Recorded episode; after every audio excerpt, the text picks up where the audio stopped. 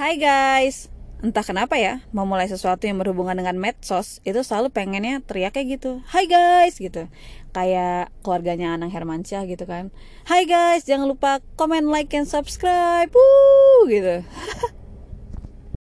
But hey, seriously. Assalamualaikum warahmatullahi wabarakatuh. Hai guys. Selalu awkward ketika kita memulai suatu perjumpaan yang baru. Dimulai dari perkenalan, tukeran nama, tanya alamat, pulang bareng asik. Gue ngomong apa sih? Gue sih gak mau kenalin diri gue ya, karena menurut gue gue gak penting. Enggak, ini serius. Ini bukan gimmick. Gue gak nyari viewers. Sebenarnya kalau boleh jujur, gue juga iseng-iseng kok nge-podcast kayak gini.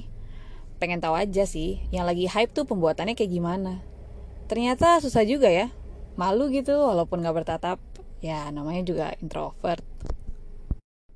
Podcast ini gue pengennya sih bertema tentang kehidupan. Ya sebenarnya nggak bertema juga nggak apa-apa kan, suka-suka gue. Namanya iseng-iseng ya kan. Dapat followers atau pendengar juga syukur alhamdulillah. Kalau enggak ya masa satu dua orang nggak mau dengerin gue sih. Intinya sih di podcast ini gue mau bercerita. Ya tentang apa pun yang lagi pengen gue ceritain aja. Seperti contoh sekarang. Pada kesempatan kali ini di hari Jumat penuh barokah, gue pengen cerita tentang satu kata yakni akad. Eh, ntar dulu nih, pelan-pelan. Ada yang harus diluruskan sepertinya. Gue tahu pikiran lo. Jangan lo denger akad lalu langsung ingat lagu tulus, atau resepsi, atau nikah. Gak muluk tentang itu jomblo. Akad itu pada hakikatnya bermakna kontrak, persetujuan, perjanjian, yang bisa dilakukan dengan siapa pun. Makanya kalau lagi beli rumah atau mobil, yang ditanya juga, eh, kamu kapan akad? Gitu. Akad tuh bukan tentang cinta doang gitu. Podcast ini hendak berjudul akadku dengan Allah yang mana kalimat ini gue kutip dari Ustadz Hananataki. Beberapa minggu lalu gue mendengar sharing Ustadz Hananataki lewat YouTube. Panutan gue tuh tentang bagaimana harusnya kita berakad dengan Allah. Maksudnya gimana? Pernah dengar nggak istilah lillahi ta'ala atau yang biasa kita sebut karena Allah. Biasanya digunakan saat seorang laki-laki ingin ya modus lah ya sama perempuannya gitu kan. Hey, aku mencintaimu laitalah. Yuh. Gue pengen banget tuh bisa kayak gitu. Menyayangi seseorang karena Allah. Membantu orang karena Allah. Sedekah karena Allah. Berbakti sama orang tua karena Allah. Beh, goals banget. Pengen. Tapi apa daya ya, hanya aku manusia bodoh. Eh salah, maksud gue manusia yang penuh dosa. Tempatnya semua salah. Gue berbuat baik tuh, masih ngarep kembali. Pengen gitu pas berbakti sama orang tua, responnya gila. Makasih banyak loh Nina. Ini lebih dari cukup gitu.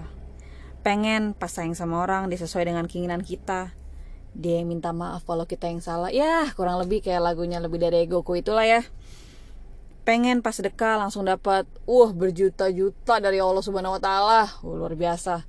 Atau kayak pengen gitu baik sama orang terus disanjung gitu sama orangnya. Gila, lu penyelamat hidup gue banget. Gila, thank you banget, thank you gitu. Tapi mana ada malah mungkin yang biasanya kita dengar malah komplainan kalau uang transferan kurang.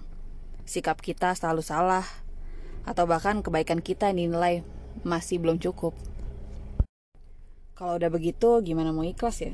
Nilai ta'ala Yang ada nggak gerendeng Kesel, dongkol, marah, nyesel.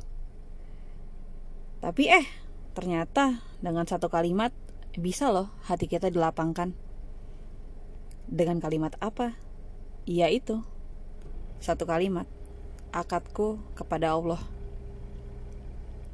Gue rasa Ustadz Hananataki memberikan formula yang tepat sih Beliau berkata, "Kalau begini, ingat, apa pun yang kita lakukan kepada siapa pun itu merupakan akad kita dengan Allah. Semua perbuatanku kepada Allah. Aku berbakti kepada Allah. Aku sedekah untuk Allah. Aku membantu untuk Allah. Udah gitu, bisa ikhlas. Ya, insya Allah akan lebih diringankan yang pastinya. Kok gitu?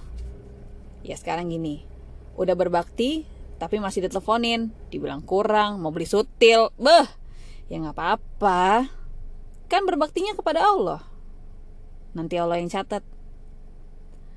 Aku sedekah, terus ternyata orangnya bilang, Mbak, satu lagi boleh nggak buat anak saya? Satu lagi boleh nggak buat Bu RT saya? Buat Bu Lurah, buat Bu Camat? Ya nggak apa-apa. Kan sedekahnya untuk Allah. Nanti dihitung. Udah bantu orang, tapi orangnya ngelunjak. Beh, nggak apa-apa nggak apa-apa. Kan bantu untuk Allah. Nanti diganti. Gue kira setelah dengar sharingnya gue bakal iya iya aja gitu kan. Ternyata oto diuji. Digas kompor meleduk. Ah semuanya dah hancur. Kalau udah kayak gitu setiap malam gue suka berpikir gitu ya. Kecewa nggak ya gue jelas.